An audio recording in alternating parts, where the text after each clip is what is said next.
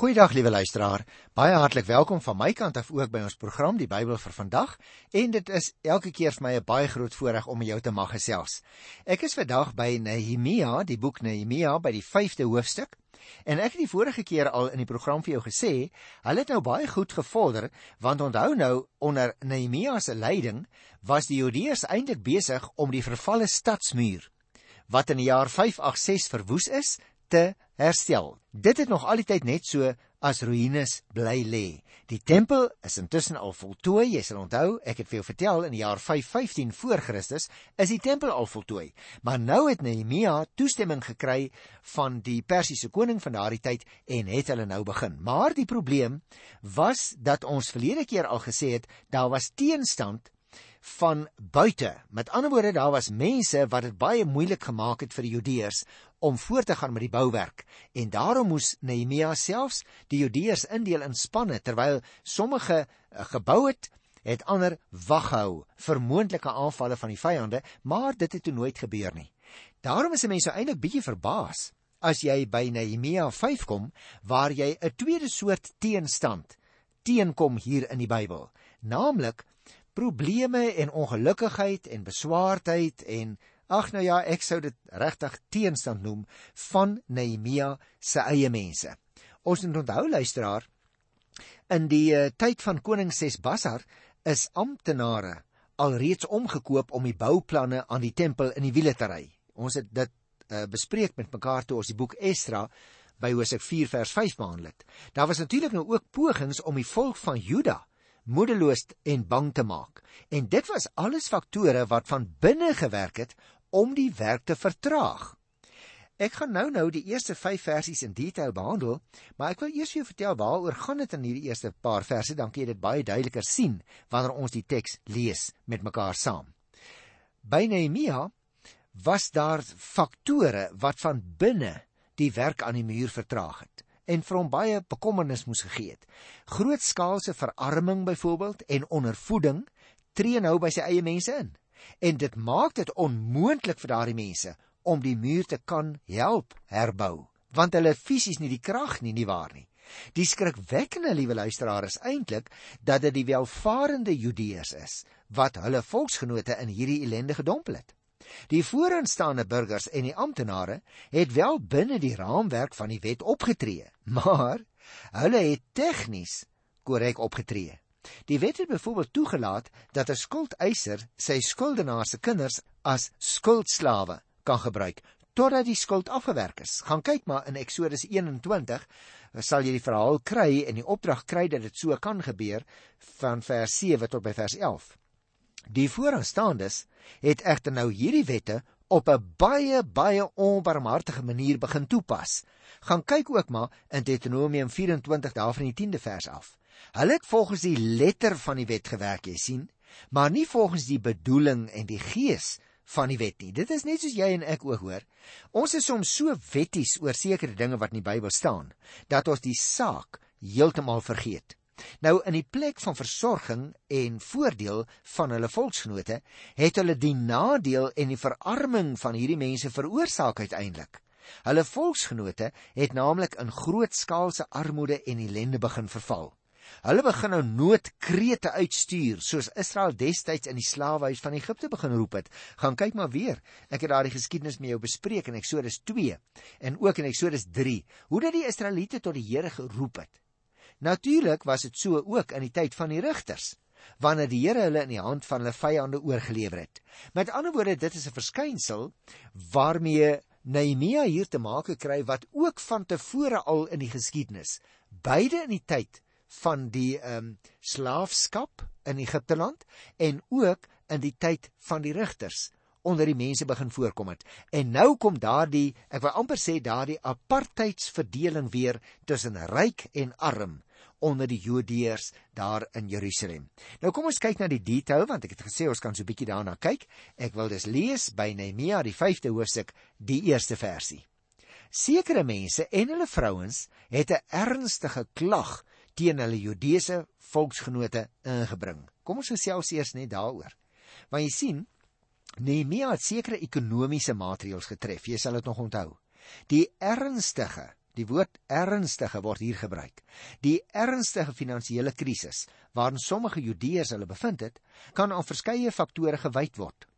Aan die een kant, die ekonomiese verkeer met die omringende volkere het afgeneem.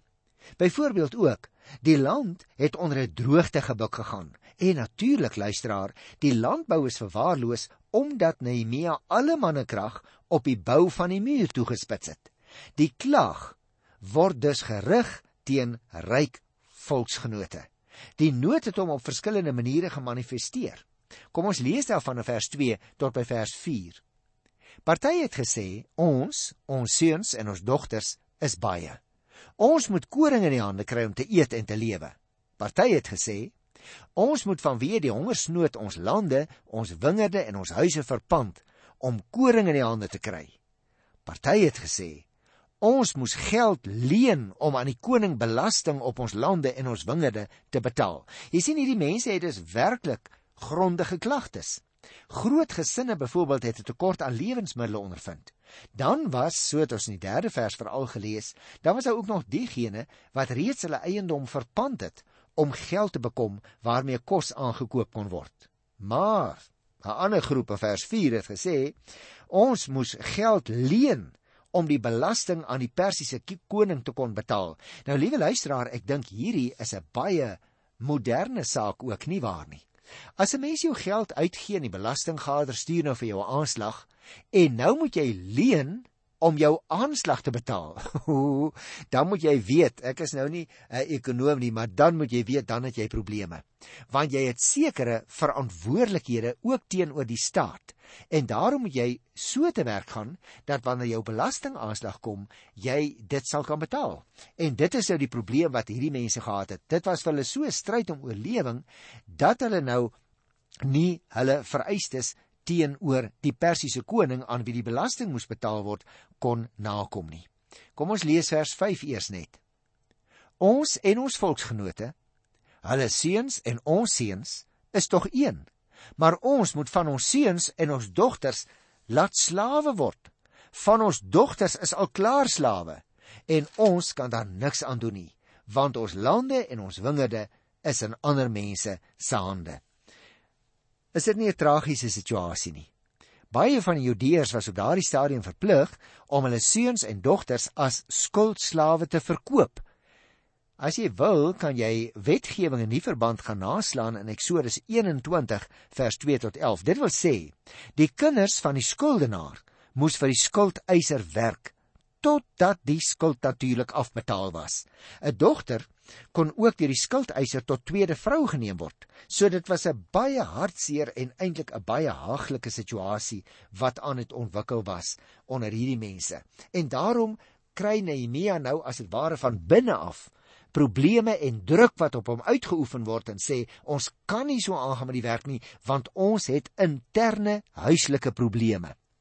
Nou gaan ek nou nou vers 6 tot 13 met jou behandel, maar ek wil eers vir jou vertel waaroor dit gaan want nou verstaan mens miskien bietjie beter.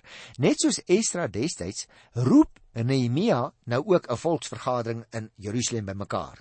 Hy beskuldig die mense wat geld uitleen daarvan dat hulle doen wat nie goed is nie. Ons gaan dit nou nou sien, want jy sien luisteraar in ons tyd gebeur dit ook. Dat daar mense is wat armes uitbuit deur vir hulle hopeloos te veel rente te laat betaal en die arme arme mense het nie 'n keuse nie, hulle moet dit maar doen. Tussen hakies, uh jy gaan nog sien as ons die profete behandel, maar ons het dit ook gesien toe ons die geskiedenisboeke behandel het, dat die profeet Amos alreeds vroeër by die Israeliete in die Noordryk daarop aangedring het om goed te doen. Gaan kyk maar in Amos 5 by die 14de vers. Nou hierdie mense leen egter op so 'n manier uit dat daar net kwaad en ellende daaruit voortkom. Daarby sluit Nehemia ook homself en sy mede-amptenare in. Jy sien aan hierdie uitbuiting moet daar eenvoudig 'n einde gemaak word, is Nehemia se standpunt. Hy laat dus almal 'n eed aflê om hierdie praktyke te stop. Alles wat by die skuldeisers afgeneem is, sal aan hulle teruggegee moet word. Hulle skuld bly natuurlik nog wel staan, maar 1% daarvan word kwytgeskeld. En so begin die verhaal dus eintlik waarin Nehemia die herbou nie net van Jerusalem nie, maar ook die gesindheid in die harte van sy volk wil regkry. Hy herbou as dit ware van vooraf ook hulle instelling teenoor mekaar. Hy beweeg hulle tot 'n geloofsintegriteit. Nou luisteraar, eers vir mense se geloof ook beteken dat hulle vir mekaar begin omgee en vir mekaar goed wil begin doen. Eers dan word die Here werklik gedien. Wanneer jy byvoorbeeld jy en ek onbarmhartig is teenoor ander mense en hulle meer kwaad aandoen as goed, dan is ons besig om daardie mense te verhinder om die Here te dien. Net soos die vooraanstaanders hier hulle volksgenote weerhou het om die muur vir die Here te gaan bou. En niemand wil natuurlik dit op sy gewete hê dat hy tussen ander mense en God te staan kom nie. Daarom is die instelling wat 'n mens het baie belangrik. Daardie Judeërs se instelling teenoor hulle volksgenote wat arm was, was verkeerd.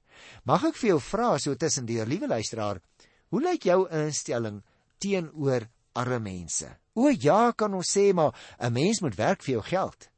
Nou ja, wil ek graag vir jou antwoord. As daar nou nie werk is nie. Want wie daar is werklik mense wat graag werk en arbeid wil hê maar hulle kry nie werk nie. En daarom verarm hulle nog meer. Ek wonder of jy en ek werklik genoeg begrip het vir sulke mense. Maar goed, kom ons gaan terug na vers 6 en 7. Ek het net vir jou vertel waaroor dit gaan en dan kyk ons bietjie in detail.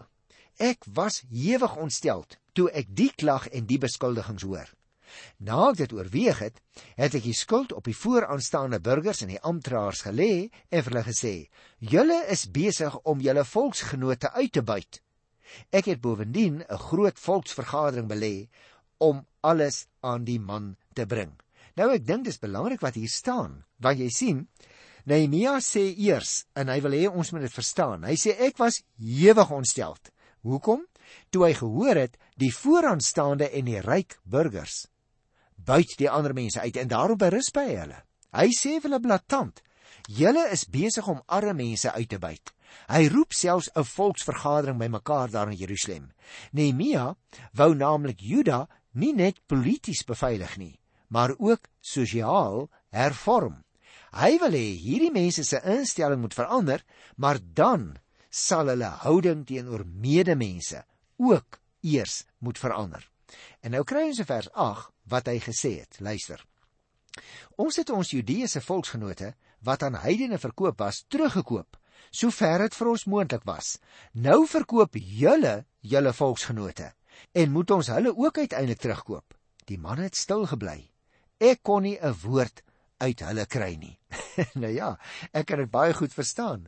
Maar jy sien, Nehemia wys sy mense daarop dat hulle die Judeese volksgenote wat as gevolg van skuld aan heidene verkoop was, teruggekoop is.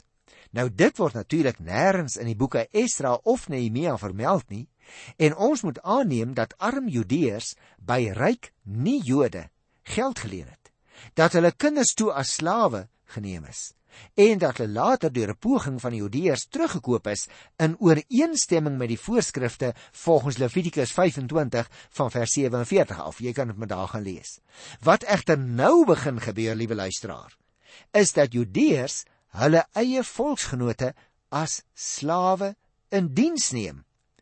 Nou alhoewel dit nie teen die wet was nie, as jy gaan kyk in Eksodus 21 van vers 2 af, was dit in Nehemia se oë verkeerd.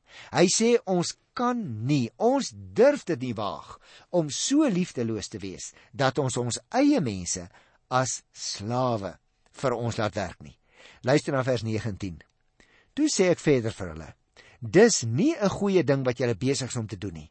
Julle moet tog eerbied vir ons God hê in julle optrede en nie ons vyande die heidene minagting vir ons laat kry nie. Ek, my mede-amptenare en my helpers moes ook aan die mense geld en koring leen, maar laat ons tog die uitbuiting staak. Jy sien, Nehemia stel dit baie duidelik dat hulle in die vrees van die Here moet wandel. Met ander woorde, hulle moet respek hê vir die Here. Anders kan hulle die minagting van hulle vyande op hulle self neertrek. Hy stel homself as 'n voorbeeld. Hy sê hy het self aan mense geld en koring geleen, maar Hy sê ek het hulle nie uitgebuit nie. Dit is baie interessant, daar's tekste in die Ou Testament veral wat sê As 'n mens jou eie mense help, dan mag jy nie eers vir hulle rente vra nie. Nou natuurlik is dit anders as die sekulêre reëlings wat ons met banke het. Maar 'n bank is 'n sekulêre instelling wat besig is om geld te maak uit renteverdienste. Maar as ons as gelowiges mekaar help, mag ons nie rente vra nie, mag ons nie ons eie mense uitbuit nie. Vers 11. Gee vandag nog hulle lande, wingerde, olyfboorde en hulle huise vir hulle terug en skeld hulle ook nog 1% kwyt van die geld en die koring en die wyn en die olie wat julle aan hulle geleen het. Nehemia eis dus dat die verpande lande en wingerde en olyfboorde selfs huise dadelik teruggegee en die skuldeisnaars 1% rente per maand kwytgeskeld word. Vers 12 en 13. Hulle het gesê ons sal dit teruggee en niks meer van hulle eis nie. Ons sal maak soos u gesê het. Ek het toe die priesters geroep en die burgers en amptenare onder eed laat onderneem om hier volgens te wandel. Self het ek my sakke uitgeskit en gesê: "Mag God elkeen wat nie woord hou nie, so uit sy huis en sy besittings uitskit, dat hy net so kaal uitgeskit en leeg is." Die hele vergadering het gesê: "Amen."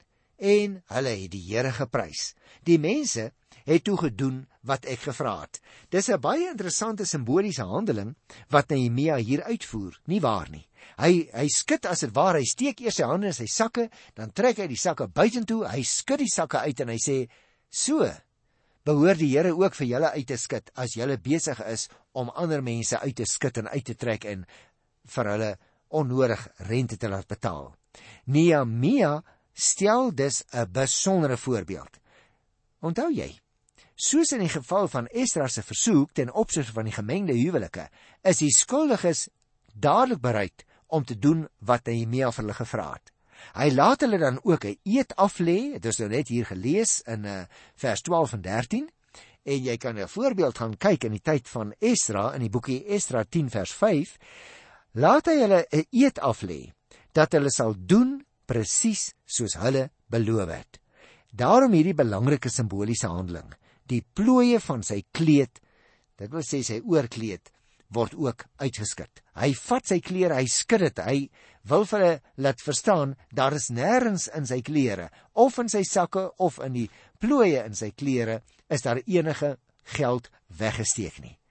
As hulle nie die eed hou nie, sê Nehemia vir sy mense, dan sal God in wie se naam die eed afgelê is, hulle net so uitskit.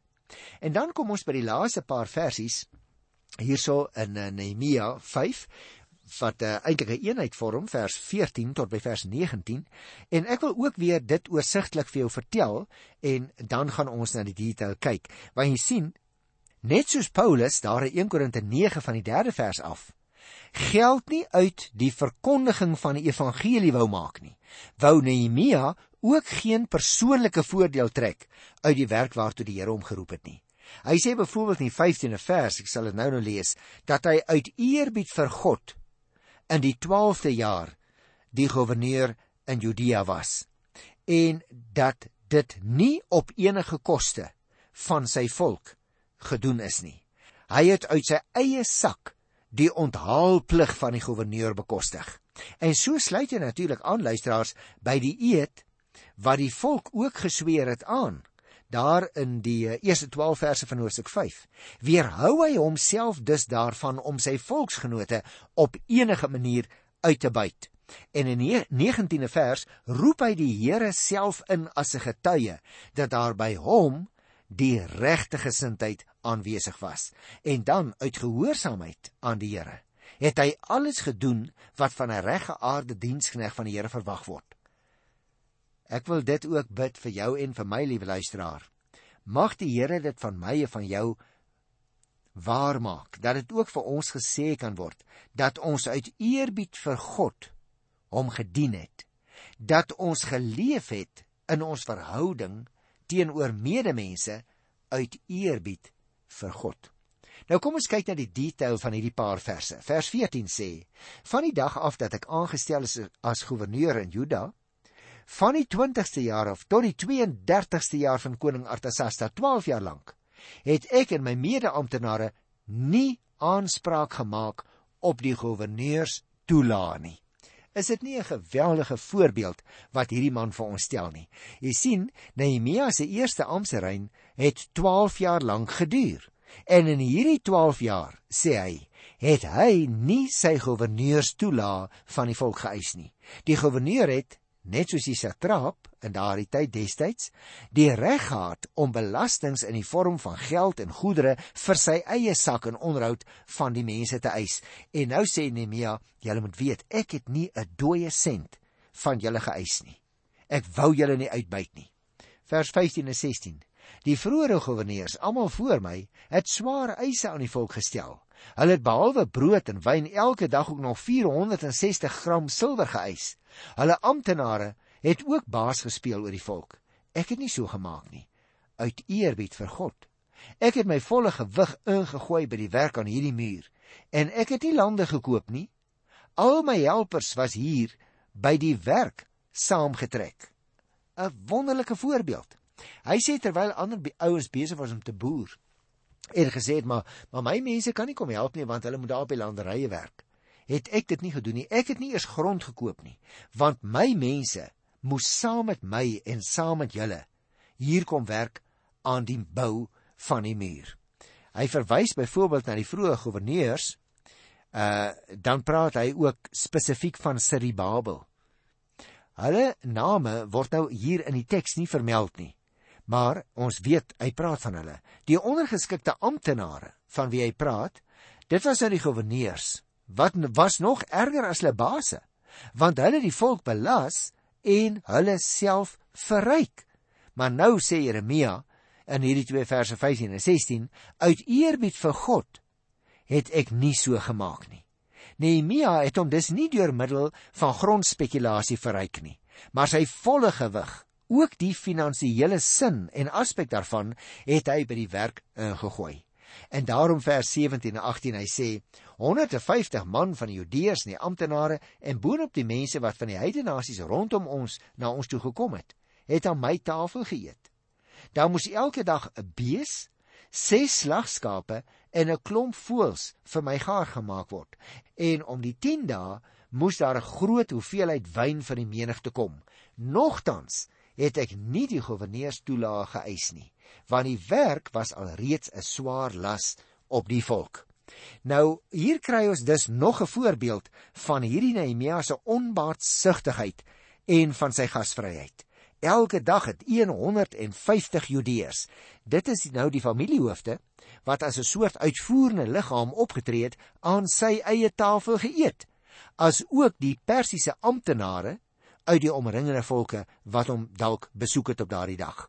En hy sê elke dag moes ek 'n bees, ses slagskape en 'n klomp voëls slag. Nou in daardie tyd, die voëls waarna verwys is, was van natuurlik uh, voëls soos hoenders en ganse en wilde duwe en die goed sê hy moes alles gaar gemaak word en dan elke 10de dag. Dit wil sê 3 maal per maand moes daar ook nog wyn bekom word. Nehemia het self vir sy voorrade betaal en dit het niks daarvan het uit die belastings gekom nie.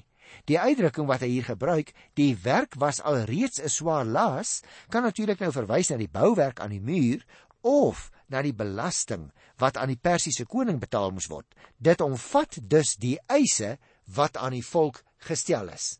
En dan die laaste vers waarmee ek wil afsluit. Hy sê hier in vers 19 by Nehemia 5. Onthou tog, my God, tot my voordeel alles wat ek vir hierdie volk gedoen het. En liewe luisteraar, hier het ons 'n baie kort gebed van Nehemia. Wat hy gedoen het, het hy nie uit barmhartigheid gedoen nie, maar om die guns van die Here te wen in hierdie geval. Met ander woorde, om die saak van die volk te bevorder, beteken om God se saak te bevorder. Ten diepste is Nehemia se daad dus nie egosentries nie, hoor. Hy word gedryf deur 'n godsdienstige motivering. Hy wil dit wat die Here se wil is uitvoer. Mag ek jou vra? Is dit so met jou? Is dit so met my?